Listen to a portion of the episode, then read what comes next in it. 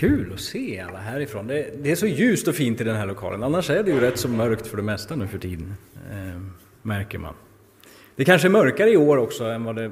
Eller det känns lite mörkare än det brukar göra. Sådär. Nu var jag så glad över att det låg snö i morse, för då ser man ju var man går någonstans. Men annars så tycker jag att det har varit lite sådär, särskilt tror jag det är ju också lite det här man pratar lite om. Jag har inte sett så mycket av det när det gäller bland privata så här, men det är det här med elpriset. va. Det blir dyrare och dyrare.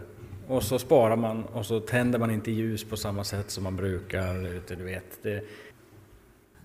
Ja, men jag vet, alltså det är inte som kanske påverkar privata riktigt lika mycket, men, men offentligt har man ju läst en del om sådana kommuner som väljer att inte ha lika mycket ljus och en del till och med stänger ner gatubelysningen vissa tider på dygnet. Och det var någon som, något inslag på radion jag lyssnade på här om, om eh, någon kommun där man släckte ner alla såna här gångtunnlar i, i, i stan där för att liksom spara på energi och så. Och är man lite pessimistiskt lagd sådär, som man gärna blir när det är mörkt, då blir man lite smådeppig och så känner man att ja, det där känns ju profetiskt. Man ser liksom skylten framför sig att på grund av stigande elpriser så har kommunen beslutat att ljuset i tunneln ska släckas. Det är lätt att bli lite pessimistisk så här när det är mörkt. Eh, och ser man då på världen som den ser ut, som man ju gör, och så tittar man på hur läget är när det gäller fred, och demokrati och mänskliga rättigheter i världen och hur den utvecklingen ser ut. När man ser på klimatförändringarna som, och den takt som det går i så, där, så kan man ju känna att ljuset i tunneln är på väg att slockna. Går det att göra någonting åt det? Har vi ork? Har vi tid? Eller är tiden ute? Så kan jag tänka ibland, vissa tider på året. Jag är lite känsligare när det är lite mörkt. Och då är det viktigare än annars att återvända till en del saker. Det finns en anledning att vi firar advent en gång om året. Det finns en anledning till det. Alltså vi kan känna att det, det, kan kännas lite tjatigt att komma tillbaka och läsa samma texter om och om igen. Sjunga samma sånger år efter år efter år. Men det finns en anledning till att vi behöver cirkulera tillbaka till adventsbudskapet. Gång på gång på gång. Det är en del av vår hälsovård. Att återvända till de här sakerna eh, för att ställa siktet och för att få den här världsbilden som hinner stelna under året att bli utmanad igen av Guds perspektiv. Eh, för att för 2000 år sedan så kom en förändring. Den kanske största förändringen i jordens historia. Den var så stor så att vi fortfarande efter 2000 år inte riktigt har lärt oss att hantera den. Vi vet inte riktigt vad vi ska göra med den. Ehm. I Markus evangeliet, det första kapitlet. Eh, jag tror att vi får gå till nästa. Du får nog hjälpa mig där nere för jag tror att eh, jag vågar nog inte. finns det som är evangelietexten för den här dagen i kyrkåret. Det står att när Johannes hade blivit fängslad kom Jesus till Galileen och förkunnade Guds budskap och sa tiden är inne, Guds rike är nära. Omvänd er och tro budskapet. Herre, vi ber att du ska eh, möta oss nu. Vi tackar dig för ditt ord och för att du kallar oss att dröja inför det. Vi ber att du ska göra det levande och verksamt i våra liv idag. Att du ska använda det för att göra ditt verk inom oss.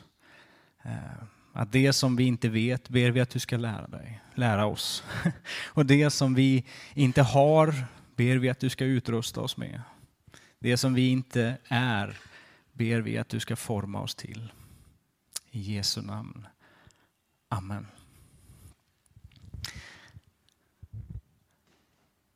När Jesus träder fram i Galileen så var det en mörk tid. Ehm, lite tidigare så hade Johannes döparen trätt fram med ett budskap som var glatt men ganska så skarpt. Ehm, och han predikade syndernas förlåtelse genom omvändelse och dop. Och var, han gjorde liksom inte skillnad på folk, så han fick ganska mycket vänner, ganska många anhängare, men också ganska många fiender. Därför att han gjorde som sagt ingen skillnad på om han talade till bönderna och soldaterna eller till kungen. Eh, och till slut så kunde inte ordningsmakten tolerera honom och så hamnade han i fängelse. Och när ett samhälle börjar kasta sina profeter i fängelse så vet man att man lever i en mörk tid. Och i den här tiden så kommer Jesus till Galileen.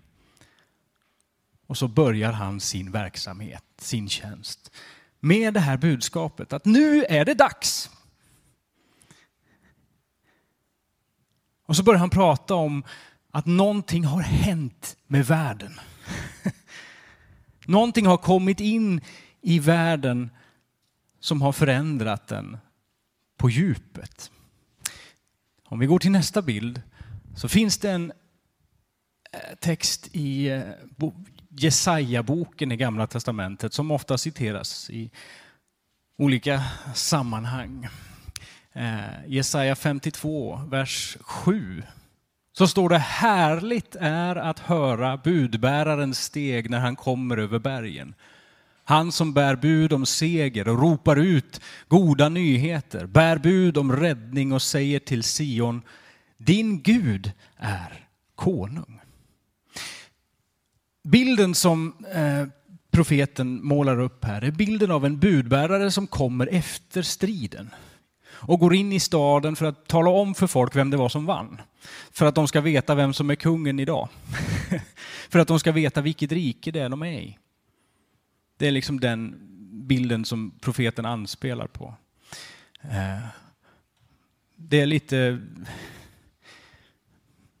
Ni som eh, är lite äldre kanske kommer ihåg hur det var i, de södra landskapen i Sverige på 1670-talet. Då snapphanefejden pågick. Då var det en period under 1670-talet när det var vissa sådana här, det kunde komma, det duggade liksom tätt.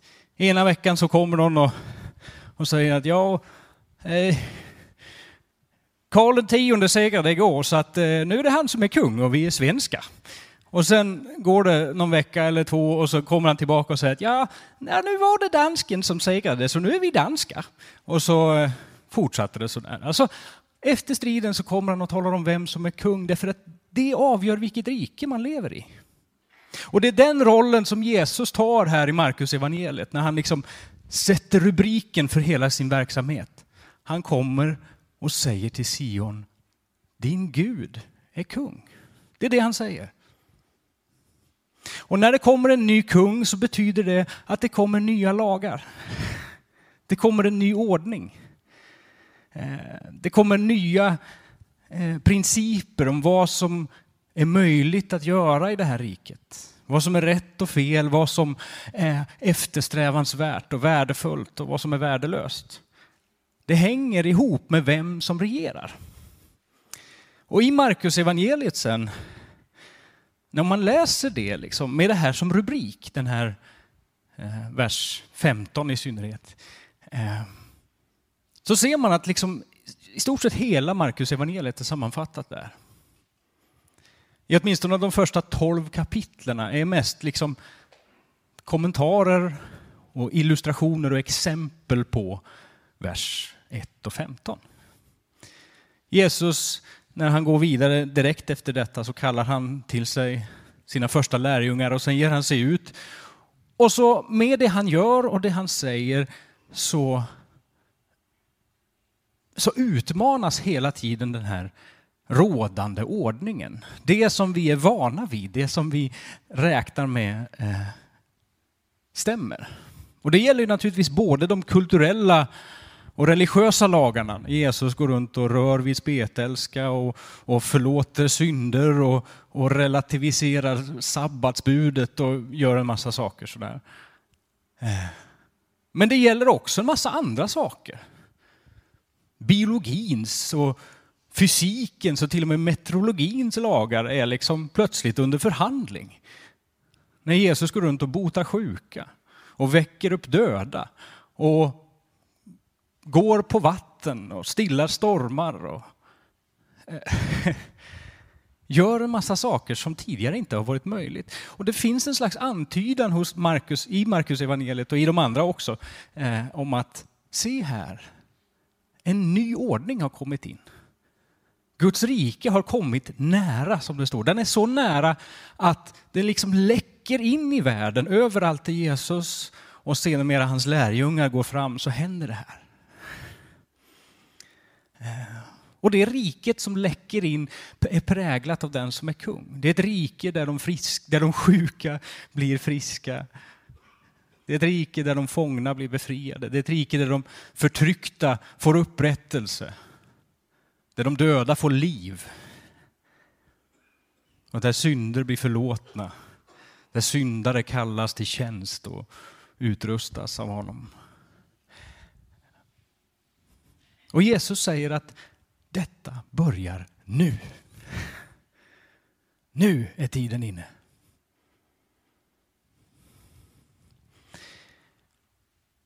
Men det framgår också när man läser vidare i Markus att eh, alla var inte så pigga på det där riket. Det fanns de som antingen inte ville eller faktiskt inte kunde acceptera den nya ordningen. När den här budbäraren kommer med budet om att det finns en ny kung så kan man höra olika saker beroende på vilken inställning man har till den här förändringen. Eh, den som är förtryckt i den rådande ordningen och får höra att det har kommit en ny kung, att tyrannen är störtad. Han hör att en befriare har kommit och jublar i glädje och säger tiden är inne. Men den som trivdes bra i den gamla ordningen, den som hade det, kanske var privilegierad, hade det bra och får höra att det som man håller kärt har blivit störtad. Man hade hoppats på att försvaret skulle hålla ut och försvara vårt sätt att leva och vår värld som vi förstår den och så får vi höra att vi har förlorat. Då känner man inte samma jubel utan känner att tiden är ute. Och man reagerar med sorg eller med ilska. Och det ser vi att människor gör i mötet med Jesus. Och det finns insprängt i de här berättelserna, mirakler om, eh, och Jesu undervisning och de här exemplen på Guds rike som går fram där Jesus, som följer med Jesus, där han går fram, eh, så finns det insprängt berättelser som antyder att det var inte alltid väl emottaget. Han talar om såningsmannen som kastar ut budskapet om det nya riket och en del av ordet hamnar på vägkanten, andra hamnar i stenig jord, en del hamnar där det redan växer en massa tistlar. Men det är bara det som hamnar i den goda jorden som faktiskt kan slå rot och bära frukt. Alltså det är bara de som är mottagliga för det här budskapet som ett glatt budskap som kan ta emot det. Och det finns ganska många sådana här antydningar. Ofta i diskussioner med skriftlärda och fariseer. Eh, att nytt vin kan inte hällas i gamla säckar, då sprängs de gamla säckarna. Så att håller, den som håller fast vid den gamla ordningen kan inte ta emot det nya riket. Och det finns olika anledningar till det. Ehm. En anledning, just det, vi kan gå till nästa bild. Eh, en anledning till att det är svårt att ta emot riket är att själva förändringen kan vara jobbig. Man är kanske inte så intresserad av att det ska förändras överhuvudtaget. Man trivs rätt bra i världen. När jag eh, växte upp så sjöngs det i vissa kretsar eh, att innerst inne är vi alla folkpartister. Har ni hört talas om det? Man vet vad man har, man vet vad man har, men vem vet vad man får? Eh, det är lite, kanske lite svartmålande, men eh, det var så vi sjöng i alla fall. Men vi har en tendens inom oss att veta att ja, men jag, jag, jag är bekant med världen som den är. Har vi det bra, varför ska vi förändra någonting? Och då kan man ju tycka att ja, men, Israels folk väntade och längtade efter Messias. Det hade de gjort länge. Eh, det finns ju ända sedan, alltså egentligen genom hela Gamla Testamentet, men i synnerhet kanske från slutet på 600-talet före Kristus så börjar man på allvar prata om det kommande riket och Herrens smorde som skulle upprätta det. Och det kommer väldigt mycket om det här. Det blev en central del av deras liv. Varenda samling, varenda gång man möttes så läste man texter, man sjöng sånger, man eh, bad böner och i, i högtider och annat så firade man tanken på Guds rike och den kommande Messias. Man blir liksom mm, impregnerad med det här. För man behövde återvända till det hoppet, man behövde vara förankrad i det. Problemet är bara att när man har hållit på och väntat och väntat och väntat väldigt länge så händer det saker med ens hopp. Um, väntan blir i sig ganska normaliserad. Det blir vardag. Um, vi kan se det till exempel tidigare i, um, i Gamla Testamentet. När eh, efter att Jerusalem har fallit och befolkningen där, eller stor, största delen av den, har hamnat i exil i Babylon. Eh, och man befinner sig där under lång tid, 50 eller 60 år beroende på hur man räknar. Eh, och hela tiden, då gör man likadant. Man skriver sånger och man läser texter om Jerusalem, om hur underbart det skulle vara att få bo i templet. Och så talar man om att en dag ska vi återvända, vi ska komma dit igen och då ska vi jubla och vi ska vara glada. Och sen kommer en dag den här befrielsen när perserkungen Koresh säger att Israel får återvända och de får bygga upp Jerusalem och de får fira gudstjänst i templet igen. Och när det händer så är det en väldigt liten del av folket som återvänder. De allra flesta väljer att stanna kvar. Därför att de är födda i Babylon. Många av dem, de allra flesta. De har gift sig och uppfostrat barn i Babylon i väntan på hemfärden. De har etablerat verksamheter och byggt upp ett liv i väntan. Och de älskar och tycker om att ha tanken på hemlandet där borta. Det för dem samman och det ger dem hopp. Men när det är dags att, att faktiskt återvända dit så väljer man att stanna kvar i exilen. De hade väntat i 60 år. När Jesus trädde fram i Galileen så har judarna väntat i 600 år på Messias. 18 generationer har byggt sitt liv runt omkring väntan på Guds rike och den tillkommande. Då är det inte så enkelt att den dagen som det kommer en tjomme och säger att det är dags nu, nu är det här, så ställer man inte bara om. Därför att någonting har hänt med väntan. Man väntar fortfarande på Messias, men man förväntar sig inte Messias. Man förväntar sig mer väntan. Därför att det är en del av ens identitet. Mina föräldrar väntade. Deras föräldrar väntade. Jag väntar och jag uppfostrar mina barn att vänta därför att det är de vi är. Vi är folket som väntar på Messias. Och jag har min trygghet i att det kommer ett bättre rike. Men den dagen som det kommer blir steget för stort. Min svåger skaffade ett eh, antivirusprogram, eller någon slags abonnemang. Eh, som innebar att man kunde installera ett sånt där virusskydd på tre olika datorer. Så då installerade han det här skyddet då på mina svärföräldrars dator och så en tog han till sig själv och jag var på väg att skaffa en ny dator så då skickade han den här, en länk till mig, liksom, en aktiveringslänk.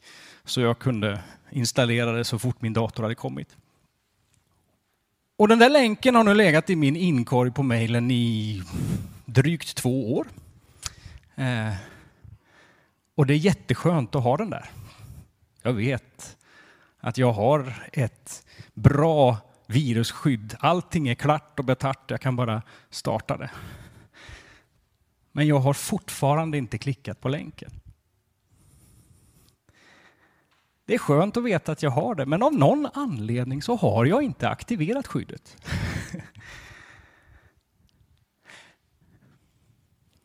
Och när jag då hamnar i de här lägena när, när Guds ord liksom kallar en till rannsakan, som händer ibland, det är lite farligt att läsa då och då, så kan jag undra hur stor del av min tro ligger kvar i inkorgen.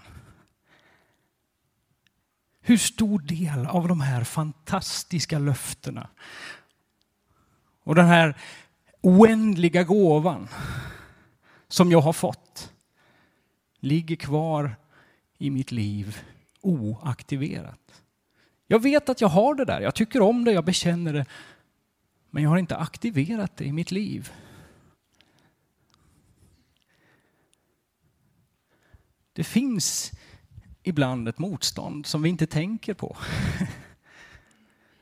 Att byta ordning. Därför att vi trivs i väntan. Jag tror vi kan, eh, kan gå en till där. Trivs man, man trivs med hoppet om det kommande riket, men det är ett för stort steg att aktivera det i sitt liv. Sen finns det en annan grupp, en annan anledning till att man har svårt att acceptera riket. Om vi går till nästa. Det är helt enkelt att många som ser det här riket växa fram har svårt att acceptera den här ordningen. Helt enkelt. Om det första handlar om att man överhuvudtaget har svårt för förändring, för att man tycker om det gamla, så handlar det andra om att man har svårt för förändring därför att man inte tycker om det nya. Ehm. Och det kan man ju tycka är väldigt märkligt.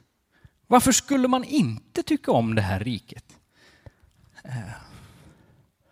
Vad finns det i detta som, som man skulle kunna ha någonting emot? Ehm.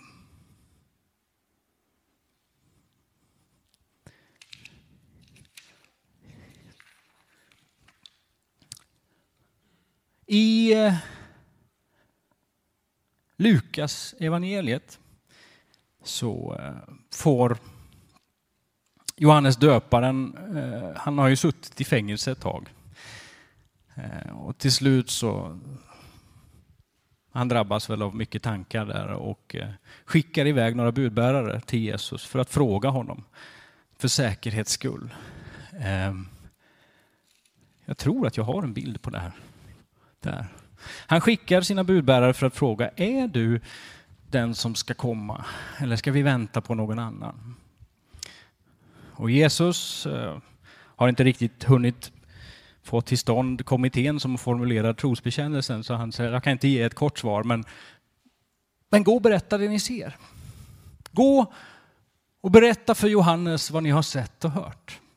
Blinda ser, lama går, Spetälska blir rena, döva hör, döda står upp och fattiga får ett glädjebud. Så står det, salig är den som inte kommer på fall för min skull. Alltså, det här är det riket som har växt fram. Ett rike där, som jag sa, där sjuka blir friska, där fångna blir befriade, och spetälska blir rena och fattiga får ett glädjebud. Och så säger han, Salig är den som inte kommer på fall för min skull. Nu är jag är inte helt nöjd med, med, med översättningen här i 2000. I, om vi, nästa bild så har vi eh, 1917 stod det salig, salig är den för vilken jag icke bliver en stötesten. Och det ligger närmare. Det här liksom ordet skand, det är egentligen skandalos det handlar om. Eh, skandaliste. Att det betyder visserligen att snava, men i vardagligt språk så betyder det att ta anstöt av någonting. Att bli förorättad eller förolämpad över no förnärmad över någonting. Att man blir upprörd. Vårt ord skandal kommer därifrån. Så Jesus säger att salig är den som ser det här riket och inte blir förnärmad. Som inte upplever att det är en skandal. Vi kan tycka att det ligger långt bort i tanken, men tragiskt nog så är det inte alltid så. Eh, ibland så kan det finnas en röst inom en som om än en liten röst som hugger till ibland. Eh, när man ser de fattiga omkring en och tänker, hade de bara skött sig, då hade de inte varit där nu. Salig är den som inte blir förnärmad. När man ser hur missbrukare får förtur till vissa bostäder. När man ser att kriminella får gratis sjukvård i vissa sammanhang. Salig är den som inte blir förnärmad när nyanlända får socialbidrag. Salig är den som inte tar illa upp när man ser nåd praktiserad, säger Jesus.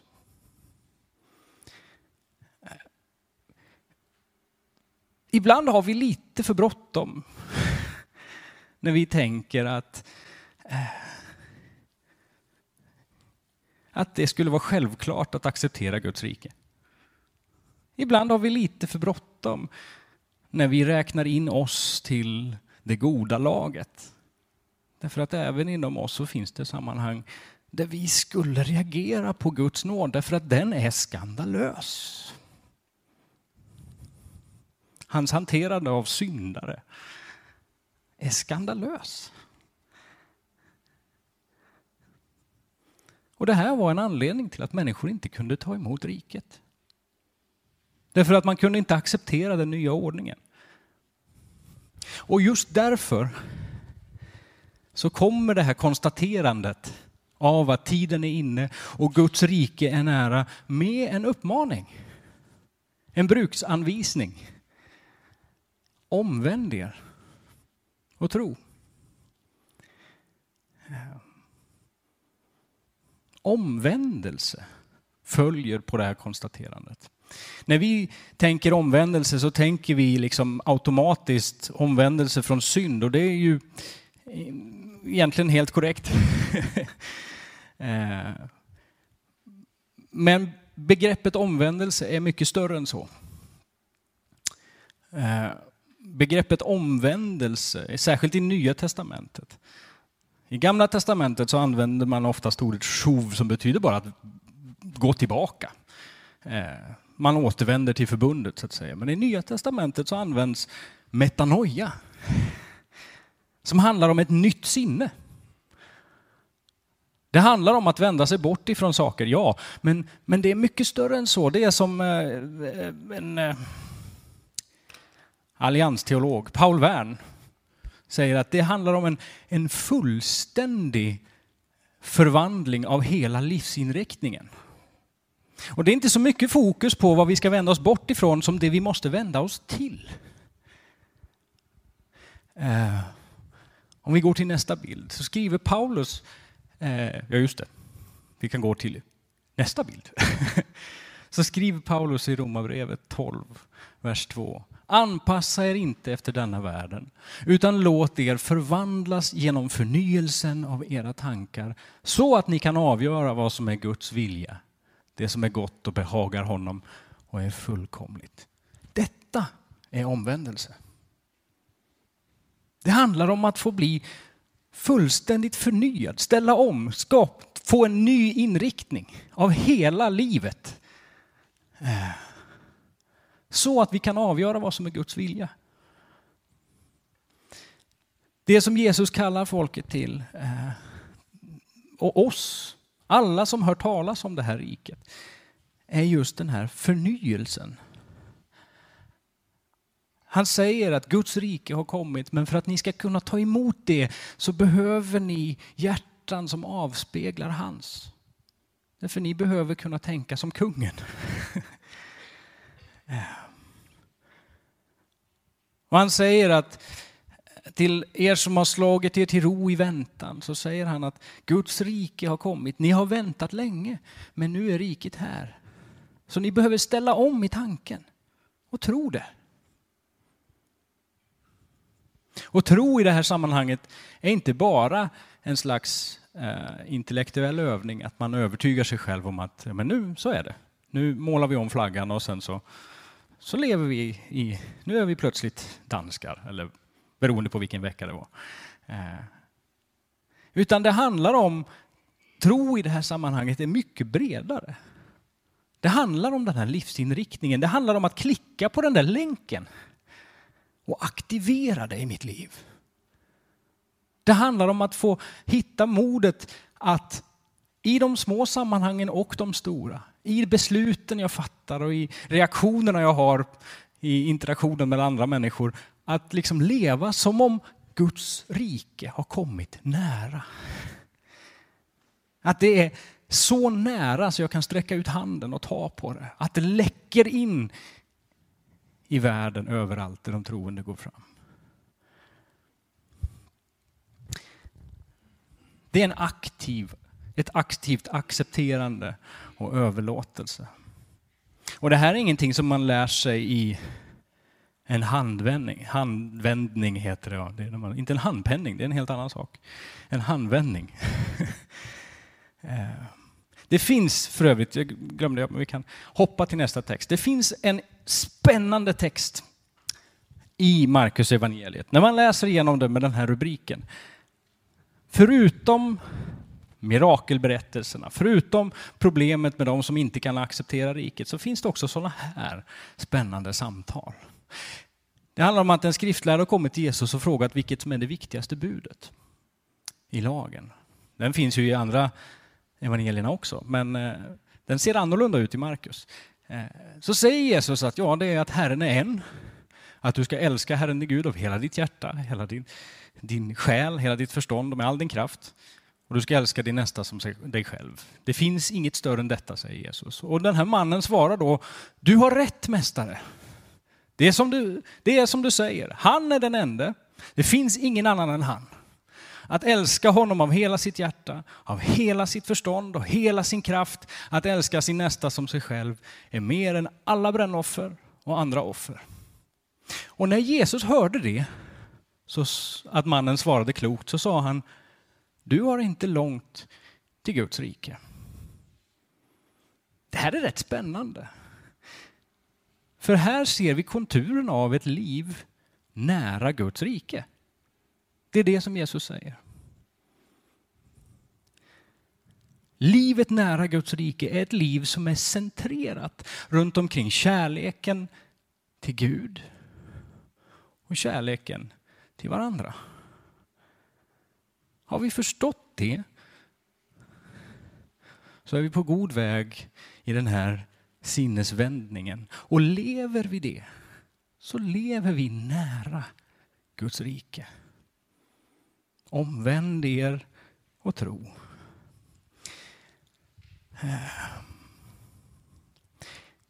Men som sagt, det sker inte bara över en natt. Det här kräver arbete. Det är därför vi behöver göra den här cirkulationen år efter år. Vi behöver vända tillbaka till det. Vi behöver höra honom säga det igen. Och igen. Och igen. Eh. Och det är inte för att när vi lever i en mörk tid så är det skönt att tänka tillbaka till en tid när det var annorlunda. Eh. Det handlar inte om en nostalgisk tillbakablick. Det det handlar om är att de här texterna kallar oss till omvändelse och tro. Det är därför vi behöver komma tillbaka till dem. De här texterna ropar till oss att detta har hänt. De hjälper oss att se att det finns inget bäst före-datum för Guds löften. De hjälper oss att se, om vi går till sista bilden tror jag det är. Det hjälper oss att se att tiden är inte ute. Även om det känns så. Det hjälper oss att se att tiden är fortfarande inne. För den som har vänt sitt hjärta till att älska honom. Som har med Guds hjälp fått omorientera sitt liv så att det är centrerat runt kärleken till Gud och till sin nästa. Så är tiden fortfarande inne. Och Guds rike är fortfarande nära. För den som vågar aktivera det och välkomna det i sitt liv.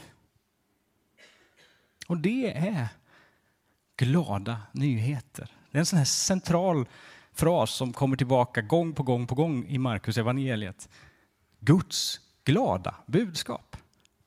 Och det centreras runt detta. Det är sant. Det var sant när han uttalade och det är sant idag. Så eh, jag tror vi stannar där. Låt oss be tillsammans. Himmelens Gud, vi vill tacka och prisa dig för att, för att det är sant. För att tiden är inne. Och för att Guds rike är nära. Vi ber dig att du ska eh, låta det här få strömma in i våra liv på ett nytt sätt. Att vi ska få möjlighet under den här adventstiden att återkomma till dig. Att få våra hjärtan vända och riktade. Att du ska öppna våra ögon så att vi ser ditt rike bredas ut omkring oss. Vi ser din fana höjas över staden. Eh, vi vill särskilt be nu för om nåd de gånger när vi hamnar i det här läget, när vi känner att vi har slagit oss till ro i väntan. Där vi trivs ganska bra med sakernas tillstånd och behöver egentligen ingenting mer. Lär oss, Herre, att våga de möjligheter som ditt rike bär med sig. Lär oss att älska effekterna av din kärlek som flödar in i världen. Så att vi vågar ta steget och aktivera tron i våra liv. Så att det blir en aktiv del av vårt sätt att leva. Och vi vill be för oss om nåd de gångerna som vi eh, öppet eller dolt motsätter oss din nåd. Herre, förbarma dig över oss. Förbarma dig över eh, vår brist på förbarmande. Och lär oss att ta emot din nåd så ovillkorligt som du ger, dem, ger den. Så att vi också kan jubla när samma gåva ges åt andra. Lär oss Herre att leva efter ditt hjärta. Så att vi får vara medborgare i det riket som du är stolt över. Och så att vi också får leva som vittnen för dem som skriker och ropar efter tröst, efter frihet, efter läkedom och allt det som ditt rike kan ge. Så nu ber vi att du ska verka i oss, möta oss i resten av den här gudstjänsten. Att du ska arbeta i oss under veckan som ligger framför och alla dagar som vi får leva här på din jord. Till den dagen då ditt rike når sin fullbordan. I Jesu namn. Amen.